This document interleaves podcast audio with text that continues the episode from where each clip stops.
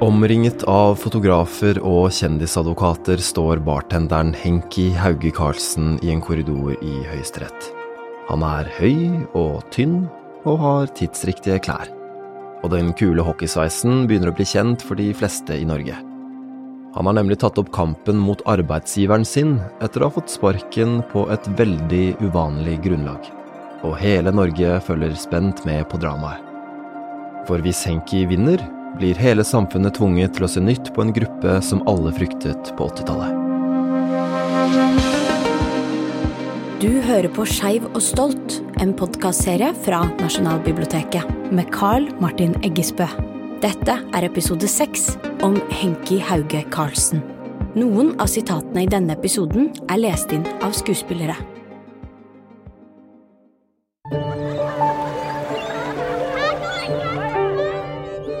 Henki Hauge Karlsen kom til verden en junidag i 1957 i Moss på østsiden av Oslofjorden.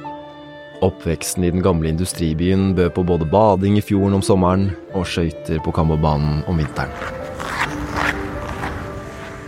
Da Henki var omtrent ti år, begynte han å kjenne på nye og spennende følelser. Han eksperimenterte med bestekompisen Ulf på gutterommet. Han visste ikke helt hva disse følelsene var men kanskje moren hans luktet lunta.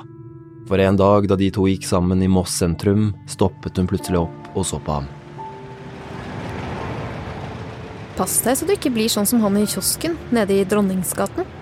Han bruker pudder og leppestift.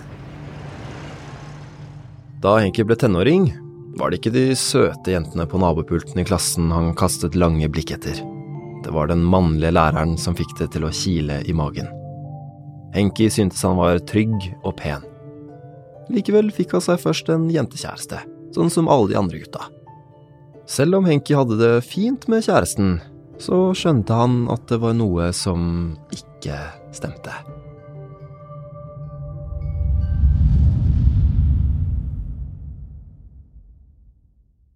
Det ble slutt, men de fortsatte å være venner, og da han var 17 år, bestemte eksparet seg for å reise på ferie sammen til Mallorca.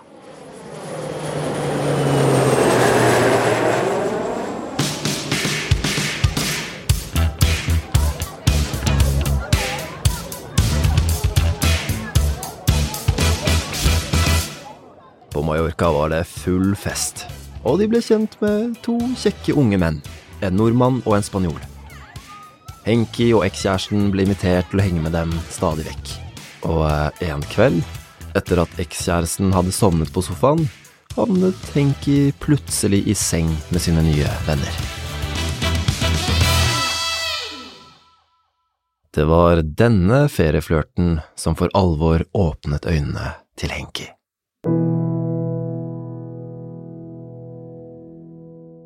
Da var det hele i gang, både Juan, Svein og meg. For meg var det jo en flott opplevelse. Dette var jo noe jeg hadde drømt om i hemmelighet.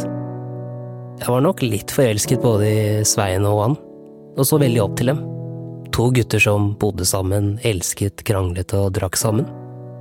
Og åpent turte å fortelle at de var glad i hverandre. Sånn ville jeg også leve en gang.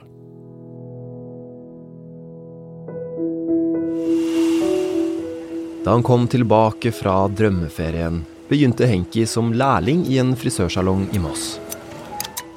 Det var langt unna hverdagen som åpen homofil med disko og fest på stranda i Palma. Men en dag kom bestekompisen Ulf plutselig inn i salongen med en flyer til et utested i Oslo i hånden. Utestedet het Metropol, og Henki visste at det var et diskotek for homofile, men han hadde aldri turt å gå dit. Men da som Ulf hadde gitt ham en dytt i ryggen, bestemte de seg for å prøve det ut. Så den helgen satte Ulf og Henki seg på toget til Oslo.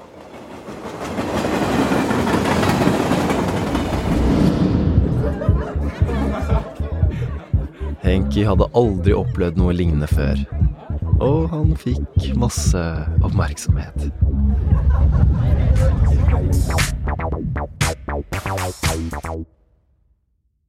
Henki og Ulf begynte å reise til Oslo hver helg.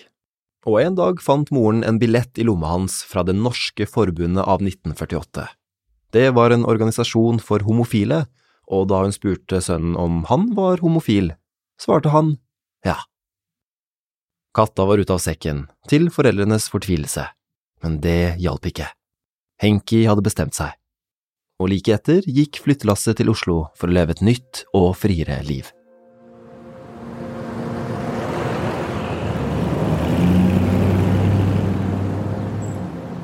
Det var mye som hadde forandret seg for homofile siden Henki var ti år og moren advarte ham om å bli sånn som mannen i kiosken.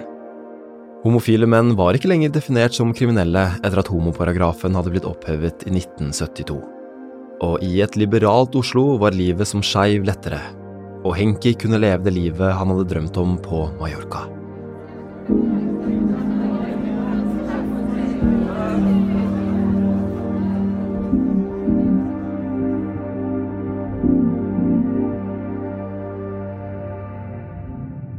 Men så begynte ting å komme ut av kontroll. Festingen ble hardere og hardere. Han begynte med dop, og ikke bare tok han det selv, men han begynte også å selge det. Til slutt ble han tatt, og havnet i fengsel.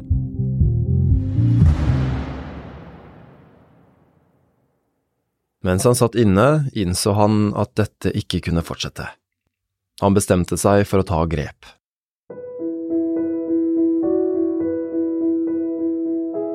Og etter syv måneder var det en annerledes Henki som kunne spasere gjennom fengselsportene og ut i frihet. Han festet mindre og begynte å se seg om etter en ordentlig jobb. Etter noen strøjobber vendte han nesa mot Fredrikstad. Henki, som var blitt 27 år gammel, flyttet inn på loftet i et stort, gammelt hus sammen med vennene Rita og Roy, som hadde to små barn. Henki passet ofte ungene, og om kvelden mikset han drinker bak baren på Fredrikstads nyeste diskotek, Papillon. Livet smilte.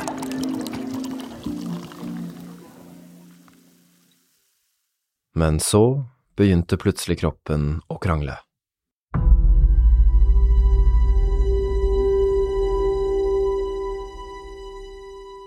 Han fikk diaré flere ganger i uken. Om nettene bråvåknet han av at sengen var klissvåt av svette. Og Henki begynte å bli redd.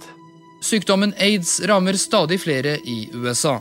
I dag er det 12 000 uhelbredelige aids-pasienter, og antallet mennesker med aids blir fordoblet hver tiende måned, og vil om fem år kunne være oppe i én million. Hadde han fått sykdommen som alle homofile fryktet? Og nå fra sovjetisk glasnost til sykdommen eller epidemien som hele verden frykter aids. Ifølge ekspertene vil flere hundre millioner mennesker dø av aids det første tiåret. Og ennå har menneskeheten bare ett effektivt våpen i kampen mot sykdommen informasjon. Henki visste at særlig homofile menn ble rammet. Det var ikke for ingenting at de kalte det for homsepesten.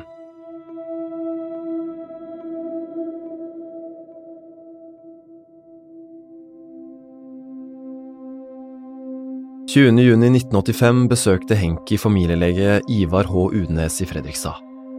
Han fortalte legen at han var homofil, og at han hadde hatt flere sexpartnere opp gjennom årene. Og nå var han redd for at han hadde hiv. Men legen visste ikke så mye om sykdommen, så han sendte ham videre. Fem dager senere gikk Henki inn på venteværelset til rådgivningstjenesten for homofile i Oslo. Det var en eh, stille og rar stemning der inne.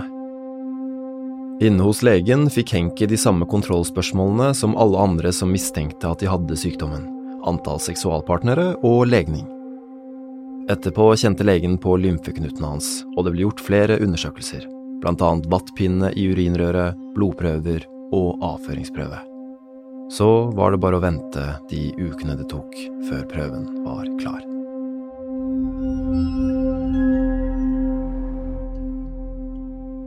På legekontoret fikk Henki beskjeden han hadde fryktet. Han hadde testet positivt for hiv-viruset.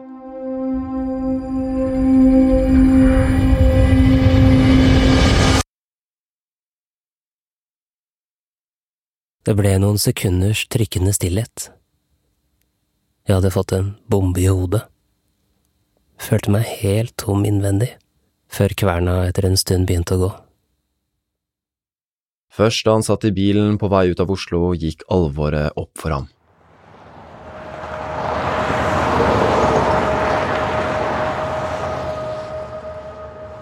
Jeg knakk helt sammen og begynte å gråte. Jeg stopper bilen i veikanten. Det er sjelden jeg gråter, men når jeg først setter i gang, klarer jeg ikke å stoppe.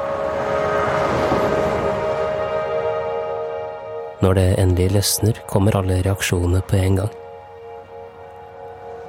Aldri har strekningen Oslo-Fredrikstad virket lenger.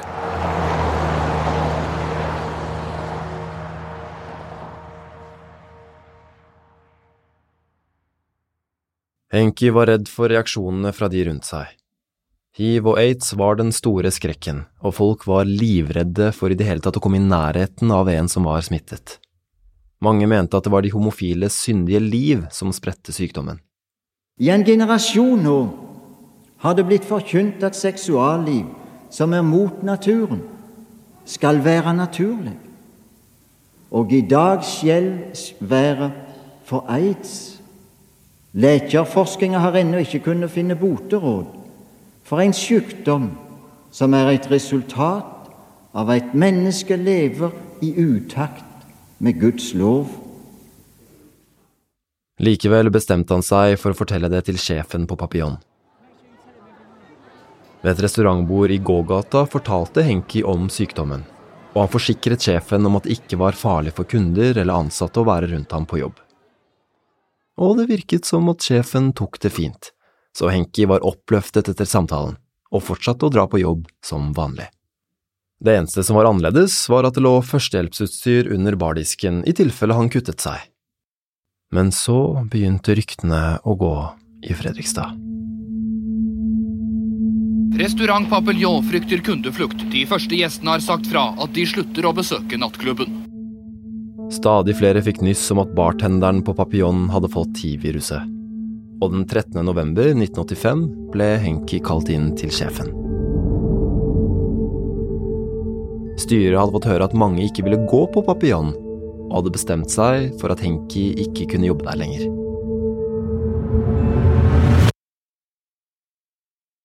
Henki ble rasende. Han nektet å akseptere oppsigelsen og bestemte seg for å gå rettens vei. Etter en stund satte noen venner ham i kontakt med høyesterettsadvokat Tor Erling Staff. Han sa seg villig til å ta saken. Og nå var det ikke lenger bare løse rykter som svirret om bartenderen i Fredrikstad. I avisartikkel etter avisartikkel sto han frem og fortalte historien sin. Og jeg skal få treffe en mann som heter Henki Hauge Karlsen. Hva følte du når du oppdaget at du hadde aids? Jeg har jo ikke aids, jeg er hiv-positiv. Det er jo litt sånn Ja, det er uh, hva jeg følte. Jeg uh, fikk jo et sjokk, da. Det skjer masse med deg. Du kommer i uh, ja, psykisk ubalanse. Du tenker mye, isolerer deg.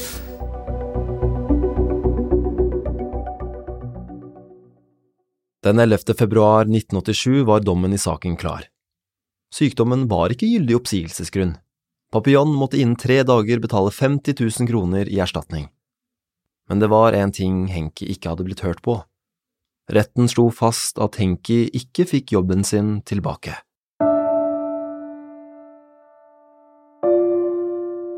Like etter den nedslående dommen fikk Henki dårlig nytt om helsa. Hiv-sykdommen hadde utviklet seg til diagnosen aids. Han visste hva det betydde. Han nærmet seg døden. Nå telte Henki på knappene. Skulle han gi opp og bruke tiden han hadde igjen på noe annet, eller skulle han ta saken videre og anke, slik veldig mange ønsket?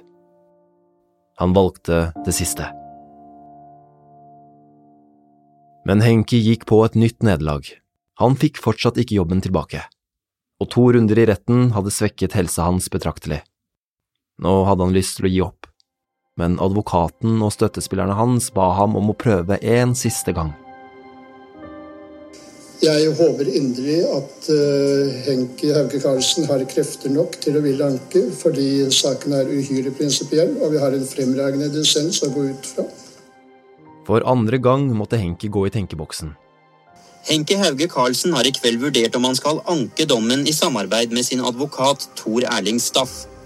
De har sterk støtte for en anke i mindretallets dissens. Ettersom Henki Hauge Karlsen ikke får tilbake jobben, så innebærer dommen at arbeidsgivere kan gi en ansatt med hiv-smitte sparken mot en erstatning på 50 000 kroner, skriver mindretallet. Men han bestemte seg til slutt for å mobilisere alt han hadde igjen av krefter. Han anket saken til Høyesterett. Og fredag, 30. september 1988, nesten tre år etter at han hadde fått sjokkbeskjeden fra legen, falt den endelige dommen i saken til Henki Hauge Karlsen.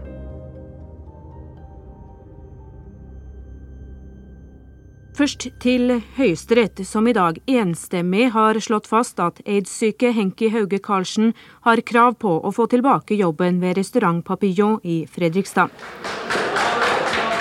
I Høyesterett var de fem høyesterettsdommerne enige om at Henki Hauge Karlsen ble usaklig oppsagt fra restaurant Papillon i Fredrikstad for tre år siden. Slik reagerte Henki Hauge Karlsen etter dommen. Ja, jeg må jo bare si at jeg er uh, lykkelig over utfallet. Det er uh, lønn til meg for uh, tre år med, med, hardt strev og kamp. Det syns jeg. Men jeg tenker først og fremst på de som sitter rundt og nå kan kanskje stå fram i samfunnet som, som hiv-positive og ikke føle noe frykt for å bli oppsagt på jobb, miste leilighet, i det hele tatt leve med et menneskeverd. Utenfor rettslokalet spratt Henki og advokaten champagnen, og mens hele Norge fulgte med, skålte de for at det hele endelig var over. Dommen var historisk, og seieren fikk massiv oppmerksomhet. Men feiringen ble kort.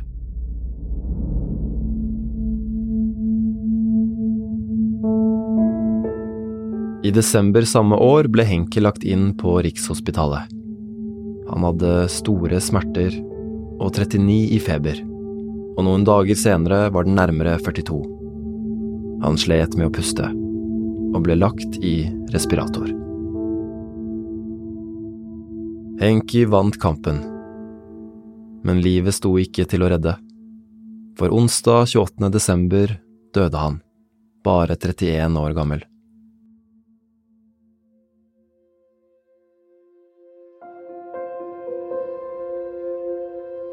Med moderne medisiner kan folk med hiv i dag leve nesten helt uten symptomer, og stigmaet fra 80-tallet forsvant med årene.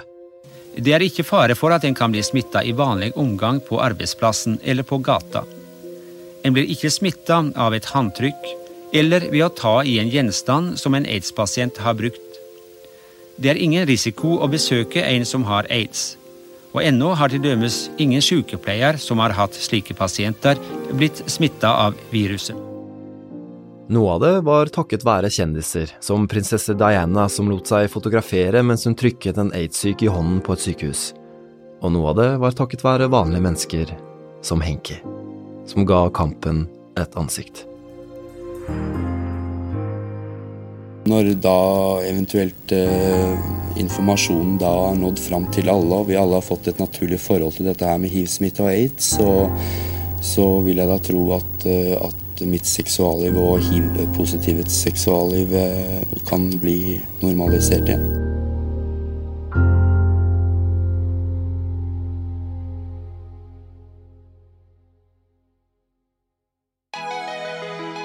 Du har hørt en episode av Skeiv og stolt, en podkastserie fra Nasjonalbiblioteket. I neste episode får du høre historien om Al Brown. En sen kveld i september 1935 vandrer en ung mann gjennom dørene til ærverdige Hotell Continental i Oslo. Han går fram til resepsjonen og sier noe som får resepsjonisten til å spisse ørene. Han spør nemlig etter rommet til Al Brown, den verdenskjente bokseren som har snudd hele Norge på hodet de siste ukene. Han blir vist i riktig retning og forsvinner oppover i etasjene. Først når solen går opp over Karl Johan, kommer han til syne igjen, og forsvinner ut gjennom dørene. Det er ikke bare resepsjonisten som har fått med seg nattebesøket. Og de ser ikke med blide øyne på det de mistenker at foregår oppe på hotellrommet om natten. Det var Carl Martin Eggesbø som fortalte historien. Skuespillere var Lars Hamren Risberg og Live Fedler Nilsen. De oppleste sitatene og deler av historien er hentet fra boka 'Henki han ga aids et ansikt' av Arve Juritzen. Episoden er laget av Lars Hamren Risberg, Emmy Henriette Netka, Lars Haga Rovan, Live Fedeler Nilsen og Ragna Nordenborg. Konsulent på episoden var Berit Hedemann.